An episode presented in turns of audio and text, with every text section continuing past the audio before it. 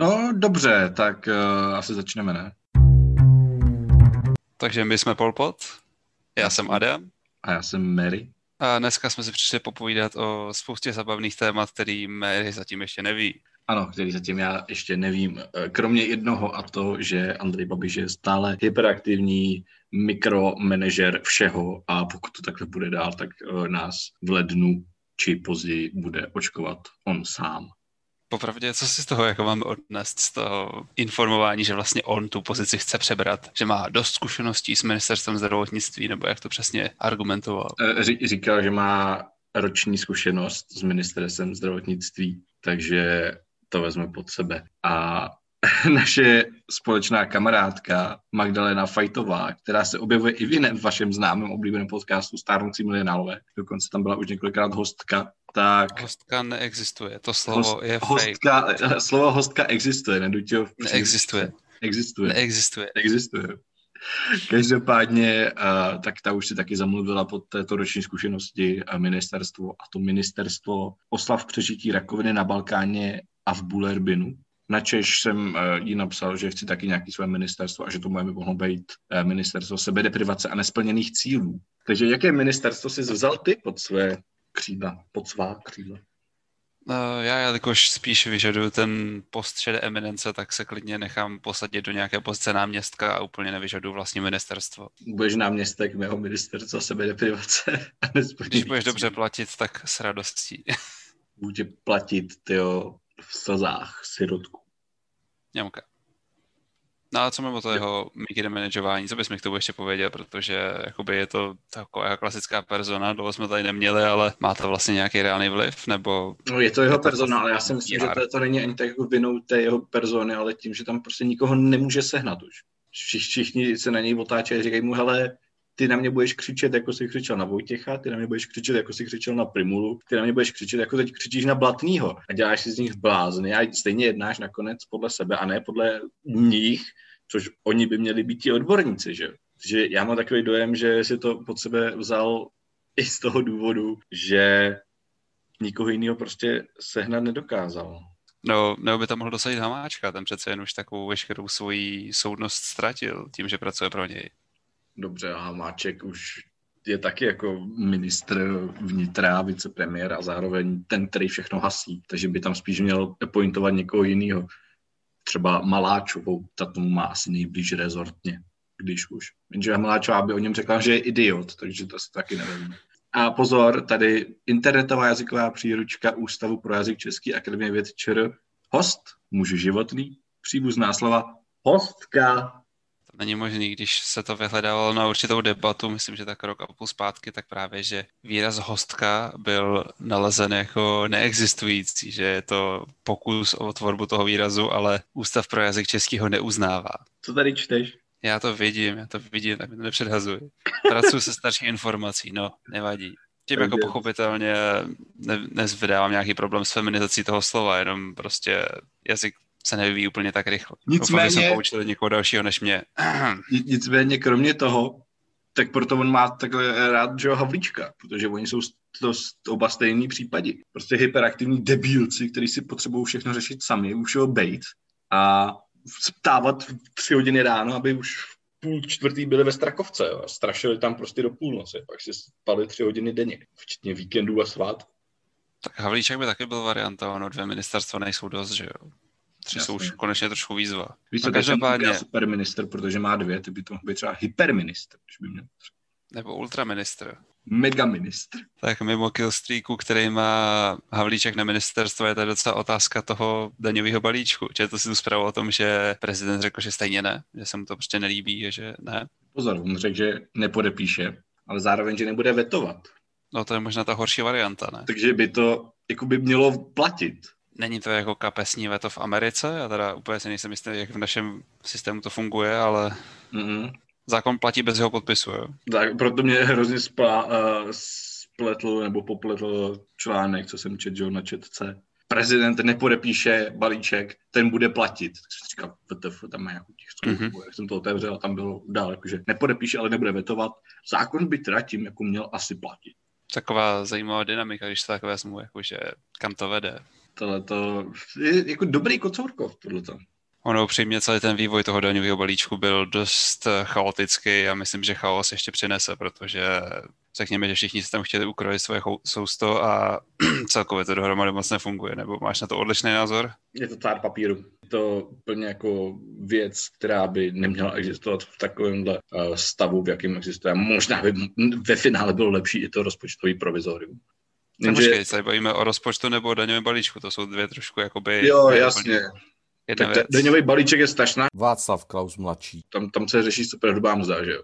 Jo. Proto říkám, no, že je to chaotický. Jako to rozpočet je, je problém sám o sobě, ale teď jsem myslel čistě ten daňový balíček, kde vlastně všichni si no. chtěli přihřát svoji polívčičku od, od Pirátů až po přemýšlím se opak, eh, no, SPD, dejme tomu. uh, daňový balíček je strašná... Václav Klaus mladší. Protože jako promiň, ale bavili jsme se o tom už jednou. Když ti hoří barák, tak nezačneš vole opravovat vrzající kliku.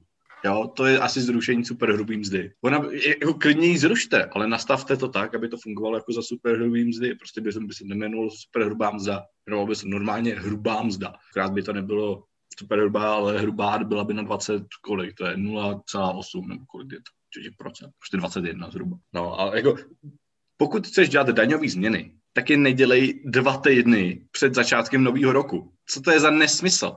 To je, a do toho ještě Maláčová přišla s tím, že by chtěla udělat tu důchodovou reformu. Jako, ty vole, prostě, co to je, co to, co to, co to znamená, proč by to někdo dělal? Teď jsem se to úplně za, za to, zakoktal to když tak vezmeš, tak asi jim někdo na Strakovce trošku říznul kokeš, aby to trošku víc jelo, protože tohle je obrovská změna hodně zásadních věcí na extrémně krátkém časovém úseku. Je to něco jako ten blížící se shift v americké vnitřní politice, ale teď je to víceméně v rámci jedné vlády, že prostě fungujeme se na nějakým statusu quo a pak najednou hodíme 108D a všechno se najednou mění v relativně malém časovém oknu. A ještě když v krizi. Myslíš si, že by to jako nebylo, kdyby nebyla krize? Já si myslím, že jo, že by se to jako odplácalo dál. Protože jako, kdyby jako nebyla říkám, krize, že... tak by patrně neklesaly preference, nestoupaly by piráti starostové, takže by asi neměli úplně důvod tohle tu dělat. Něco z toho by se asi stalo, ale rozhodně by to nebyla taková divočina. Podle mě by to víc roztáhli na to časové období a hráli by trošku takovou delší hru, ne jako teď, že je to chaos mezi covidem a ekonomikou, kdy hrajeme takový ping-pong tam a zpátky, co vlastně chceme víc. No. Když už ta něco, co se v tom daňovém balíčku stalo, tak měla být zvýšena ta sleva na poplatníka, což říkají a potvrzují úplně všichni ekonomové, kterých se zeptáš, snad kromě Kovandy, lol, to reálně pomáhá těm lidem, kteří jsou nejvíc zasažený koronakrizí. Těm nízkopříjmovým, co buď přišli o práci úplně, nebo jsou tam ty na těch 60 nebo 80 nebo 85 procentech. Ty by dostali 3 tisíce za měsíc, zhruba. Stejný 3 tisíce by dostal týpek, který je prostě poslanec a bere 70 tisíc. Týpek, který je tamhle ředitel nějaký obrovský firmy, bere tyho 200 tisíc. No, ti všichni by dostali 3 tisíce rovně jako to, že snížíš daně, tak to je pěkný, ale všichni ekonomové ti říkají, protože ekonomie sleduje lidi, to není o penězích, to je o lidech, jak nakládají s penězi. Ti ti říkají, že pokud jako tyhle ti vysokopříjmoví lidé dostanou těch, kolik to dává, dejme tomu třeba 80 tisíc ročně, tak oni to neutratí. Oni z toho utratí třeba osmičku, desítku, ale zbylých 70 se někam uloží. Takže to furt nebude cirkulovat v tom rozpočtu, jak chce Schillerová, nebo jak říká Schillerová, že to pomůže a jak říká ODS, že to pomůže. To je prostě nesmysl. Já v tom trošku teda sleduju split mezi kýsiánskou a hajkovskou ekonomikou, kdy právě oni, no minimálně Babiš přijde jako hrozný kýsián, že se snaží jakoby tu dynamiku těch eh, boomu a bastu hodně rozjet tímhle způsobem, i když eh, právě ten procentuální přístup je víc hajkovský, takže je tam zase trošku dichotomie vnitřního přístupu, která jim narušuje právě to, že by to dynamicky fungovalo. Sice zní divně, že by... Teď si spoustu slov, který Babiš nezná. Babiš si snížil daně, protože mu to pak pomůže jeho ziskům. No dobře, možná to koukám moc analyticky, ale eh, ten přístup, co popisuješ ty, tak to je vlastně postup, který udělala federální vláda ve státech. Ta ho sice neudělala, protože by to doporučoval ekonomové, ale protože to byl jeden z těch mála nástrojů, co mohli využít, protože tam přímé podpory jsou trošku komplikovanější, přece je to federace a tam to státní zřízení funguje trošičku jinak, ale minimálně z toho hlediska podpory těch eh, nízkopříjmových částí populace, tak eh, by to rozhodně pomohlo asi nejvíc. Nebo minimálně v krátkém časovém úseku. Je zase otázka toho kurzarbeitu a podobných věcí, které zachraňují zaměstnanost navzdory tomu, že realita trhu by byla trošičku jinde, ale jsou to zase časově omezený zásahy, který, když tak řeknu, pokud by nefungovala vakcína, tak jsou pořád docela lichý. Co je důležité podotknout, tak nízkopříjmoví lidé mají takových, ne institucí, ale takových nástrojů k tomu, aby nemuseli platit daně, že kdo v tom umí trochu chodit, nebo kdo zaplatil da nějakého daňového poradce, aby prostě mu ušetřil nějaký větší peníze v horizontu, což se jako vyplatí pro boha lidé, pokud máte nějaký finanční struggle, a tak si nechte poradit. A takhle, jenom, když o tom mluvíš, tak u těch nízkopříjmových existují regulárně neziskovky, co to dělají, takže jako by nemusíš to ani platit, ale ta neziskovka ti třeba pomůže vyřešit dluhy. Jako. Nebo to je podle mě lepší cesta. Tak ty, ty ve finále třeba neplatí jako na daních skoro nic, nebo vůbec nic.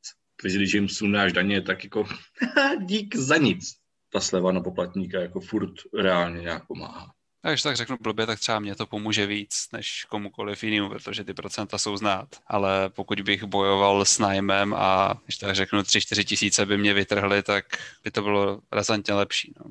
Přijde mi, že Babiš trošku targetuje takovou tu vyšší střední třídu a že doufá, že přetáhne ODS možná tímhle krokem. I když zase možná to koukám až moc analyticky a nehledám v tom ty impulzivní kroky, které se poslední tak půl rok, tři čtvrtě rok dějou. A nebo už předpokládá nějakou koalici, která by mohla přijít po volbách 2021, protože ODSK se možná nechá spolu vytáhnout s KDU a TOPku, protože čím větší získají procento, tím víc získají mandátů a pak se prostě odtrhnou a budou s Andrejem bez topky, no i bez KDU. Myslím si, že KDU by klidně jako šla. KDU by šla. KDU by šla a byla by prostě nějaká pravicová vláda, ano, ODS, KDU a pár přeběhlíků, a nevím, třeba SPD nebo z ČSSD, nevím, odkud, stopky nebo ze starostů možná. No to, to ne, právě, že ne, právě ze starosti a starosti, starostové. To to chytil od tebe z toho jednoho dílu, jak jsi to řekl. A já to pak říkal ironicky a teď se to nemůžu zbavit. Vidíš, já jsem se jenom jednou přeřekl, už jsem to nikdy znovu nepoužil a tebe jsem tím nakazil. To je... Je influence jak prase. Uh, tak ty podepsali, že po volbách buď spolu půjdou do vlády, nebo buď spolu budou v opozici a nic mezi tím. Jasný, no. Sice v realitě teda nejsme v první republice, takže hypoteticky by to udělat mohli a řekněme, že vymáhání nějaký změny by tam bylo dost těžký, ale... Chápu. Jo, to určitě, ale myslím si, že zrovna tyhle ty dvě strany, respektive hnutí, zase si jako budou držet nějakou morální zásadovost. Když tak řeknu, a ještě se vrátíme od toho daňového balíčku k rozpočtu. Komunisti si konečně po těch do 30 letech, co jsou ve sněmovně po rozpadu, prosadili, že armáda nedostane tolik, kolik by měla a dostane o 10 miliard míň. Je to problém, není to problém. Za mě je to takový zase weird flex, ale OK, protože reálně přesunutí těch 10 miliard zpátky z toho rezervního fondu není až takový problém a k tomu znova podporu komunistů už potřebovat nebudou. Přičemž věřím, že když by to potom hodili sněmovně plácnu za čtvrt roku, tak eh, tam bude hlasovat daleko víc členů opozice, protože to dává smysl tahle investice. Takže podle mě je to zase, že komunisti tak jako zaflexí na ten svůj elektorát, který doufají, že si ještě udrží, aby znova šli do sněmovny, ale to je také jiné, čeho tím dosáhnou, protože upřímně podle těch zpráv, co šly ven, tak eh, i většina těch dodavatelů armádě pevně věří tomu, že ten funding tam prostě bude. Takže já bych řekl, že reálný význam tohohle kroku je maximálně tak nějaká vnější podpora vlastního názoru, ale nic zásadnějšího je to přesunutí prostě peněz z jednoho místa na jiný, aby se to fakt, jako, nevím, v Dubnu třeba přesunulo zpátky, že je to jako hloupatý. Metnar už se vyjádřil, že když armáda přijde o 10 miliard, takže skončí jako ministr uh, čeho? Obrany. Čeho asi jinýho? Ministr armády? teď, teď, teď měl asi ministr války z jakého důvodu.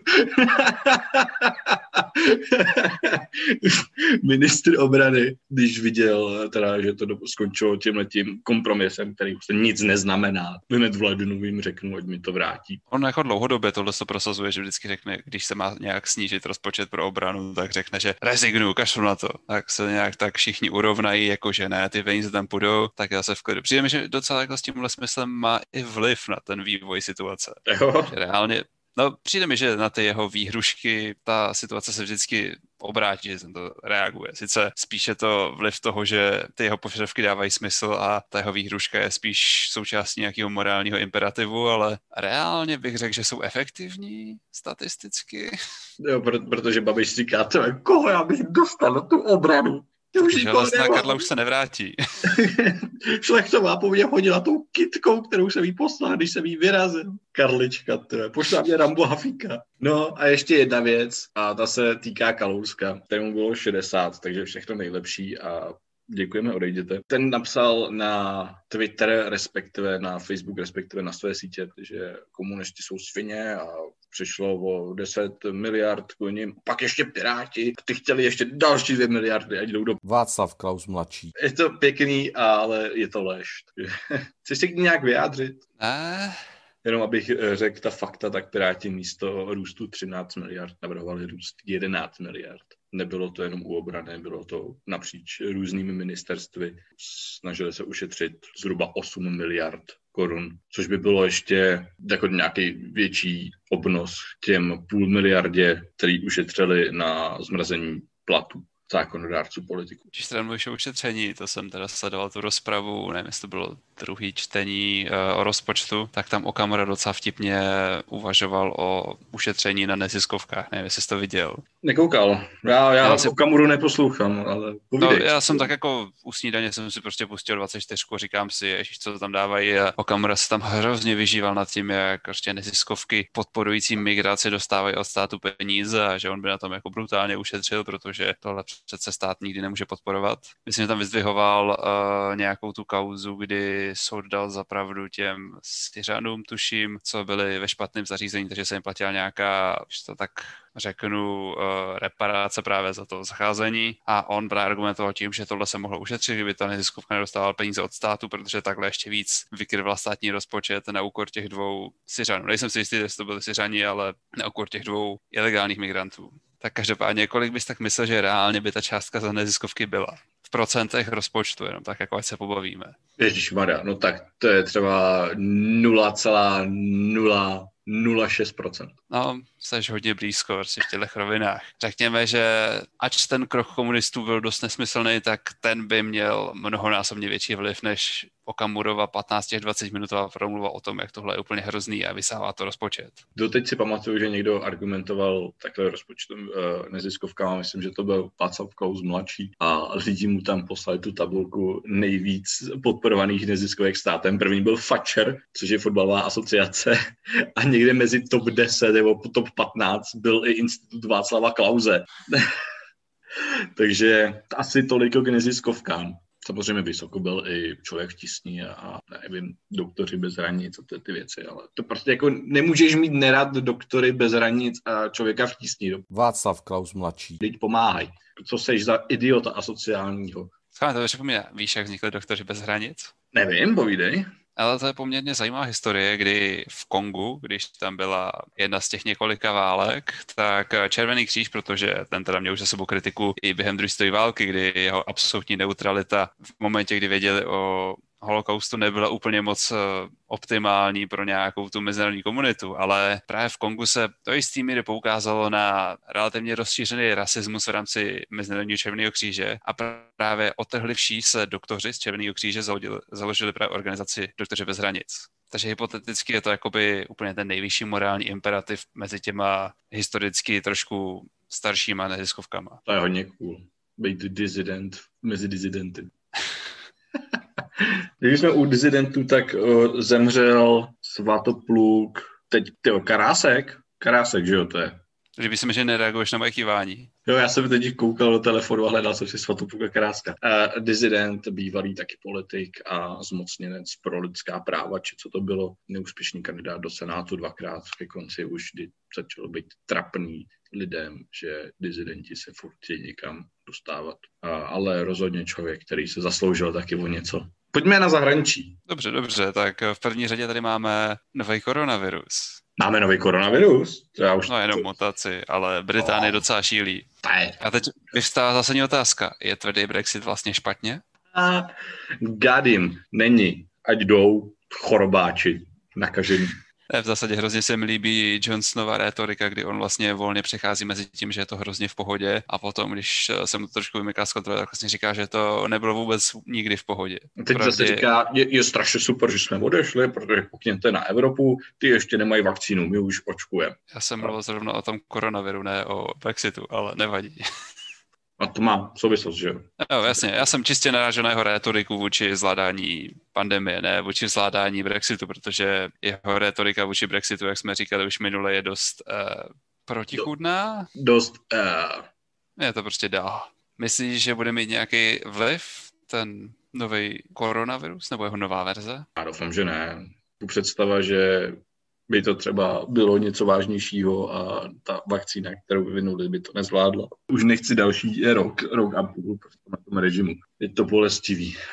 Klikoval jsi za Fit Centra? Když už narážíš na tenhle ten režim, tak právě byla tady taková sociální výzva klikovat za Fit Centra. Cože? no, za zavřený vnitřní sportoviště, ne? To je stupidnější než ty platky na Facebooku hashtag na očkuju se. To se nevíš ty, viď? Ne. Si můžeš dát na profilovku rámeček, naočkuju se. A recesisté tam mají hashtag načipuju se. Je Konspirátoři musí mít pre. Cringe, ze kterého praskají kolena. Když bys řekl tvoje CFK nad levým okem, tak možná budu souhlasit. Zrovna teď ti pěkně pulzuje. ne, to mě pulzuje jenom, když se bavím o kapitalismu.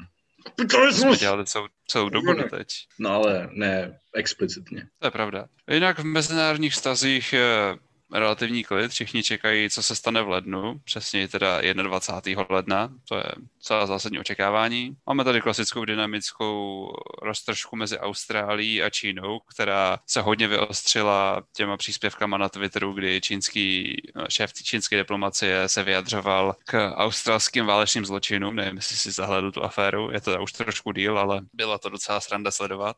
Aféru Austrálie versus Čína? Na jedné straně to bylo to, že australské speciální jednotky jsou, řekněme, trošku pod tlakem z toho, že v Afghánistánu prováděli věci na hraně válečných zločinů, kdy spoustu z toho bylo zaznamenaného, takže řekněme, že to ne, není úplně OK. A na druhé straně kritizuje Čína, která zrovna vůči muslimům má takovou hodně specifickou politiku. To je zajímavé. Ne, nesleduju Čínu a Austrálii, upřímně. To je jako úplně mimo mě, já sleduju spíš jako nás, Poláky a Vyšegrádskou čtyřku. A tak. Stalo se teď něco snad ve Vyšegrádské čtyřce? No ano, stalo. Bratislava odněla česté občanství města Gotwaldovi i Stalinovi. Um, flex. Jako je to voničem, ale je to aspoň takový pěkný, jakože hej. Jsou to... Václav Klaus mladší. Uznáváme. Sice kolik let po, ale... Přijde mi to trošičku pozdě, ale budič. Chápu, že Slováci jsou občas trošku pozadu.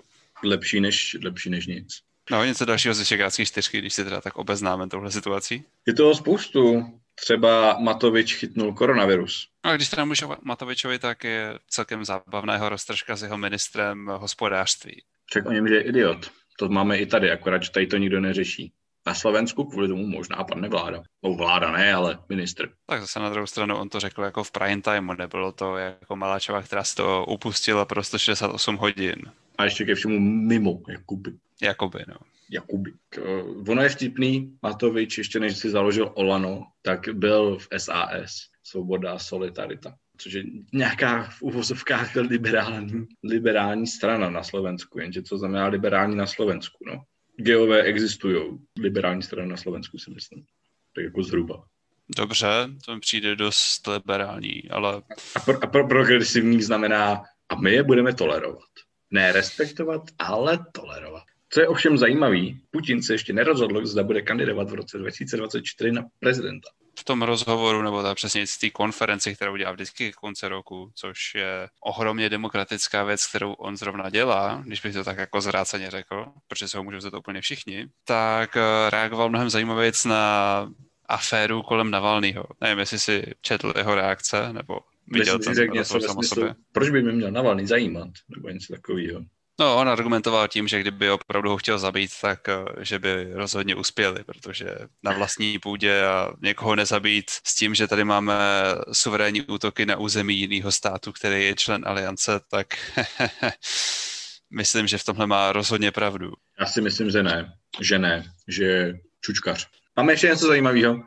Zajímavého je toho hodně, ale nejsou to vyloženě prime time věci. Jsou to věci jako, že v Jemenu opět Hutijové obsadili další dvě vesnice, ale to je taková standardní věc, protože vím si, že američany vyzbrojená armáda Saudů tam dlouhodobě neuspěla proti bandě pasáčku ovcí s kalachama, ale to je normálka. To je jako Větnam versus Amerika, že? V podstatě, no. Až na to, že Saudi jsou arabové a arabské armády jsou, řekněme, na tom špatně. Tak ty větnamští farmáři, který bambusovými tyčema sundávali z obloh ty Spitfirey, ne, narážel jsem na to, že Sověti, když trénovali Egyptiany a Syřany, tak měli takovou kritickou poznámku k tomu, že technika, kterou řídí Arabové a o kterou se starají Arabové, tak nikdy nefunguje že oni byli k těm armádám, které jsou vedený právě v těch arabských státech, který nejsou úplně demokratický, hodně kritický, protože řekněme, že ten kariérní přístup tam fungoval jen málo na základě schopností a spíš na základě nějakého papalářství. Takže v zásadě bojeschopnost těch armád se projevila třeba v konfliktu s Izraelem, ale to všichni víme, jak dopadlo. To mimochodem není problém, nebo problém, to mimochodem není jenom aspekt armád, ale úplně vlastně všeho na arabském poloostrově, kontinentě, světě. Vyberte si, nehodící, škrtněte. A regionu.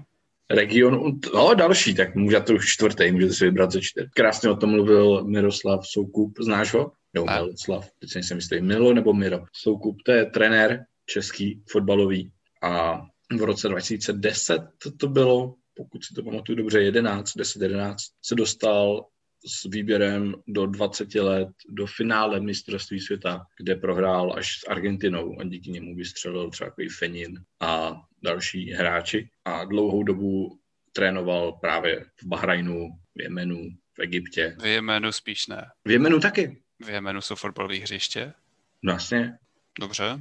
A přesně to, to povídal. Byl v ušáku od uh, Míry Bosáka, tak si to když tak pusť, respektive pustíte všichni vy, kdož nás posloucháte. S tohle bombou se loučíme. A já se asi ukončím. Mějte se krásně, dámy a pánové, jsme byli Polpod, já jsem byl Mary, tam to byl Adam. Já jsem byl Adam. Ano, to byl Adam. Příště zase o něčem, co se stalo nebo stane. A ty data, já o tom chci mluvit, měl jsem to nastudovaný, jsi ostré, to vystříhnu, štveš mě. dobře, dobře, tak příště si dáme ta data. ještě... Jo, vymyslel nějaký další téma? Ještě než začneme. A ne, Kalousek má 60. Ale ještě než začneme, tak mm-hmm. si skočím zapnout troubu. A nebo ne, seru na to, zapnu si Co, proč zapínáš troubu? Si dělám pizzu. A, jakou? Nějakou za 30 korun z Kauflandu, ale namrskám Ježiši, si na to. příchuť, ne? Namr, namrskám si na to. No já nevím, co to je za příchuť, nějaká prostě příchuť, to je pizzová. Hodím na to pár kolečků salámu navíc, koleček salámu navíc, goudu a, mm-hmm. a udělám. A ty nebo já mám dole ještě langoše. Jakože předsmažený nebo nasmažený? Jakože včera udělaný. Jo takhle. Já radši mám nechaný těsto a přímo je zase znova udělat z toho těsta, který je už trošku uložený než je ohřejvat. Ale jo, gurmán. Říkám jenom můj osobní přístup, to jako nekritizuju, nic proti gustu, jenom říkám, jak bych se na to podíval já.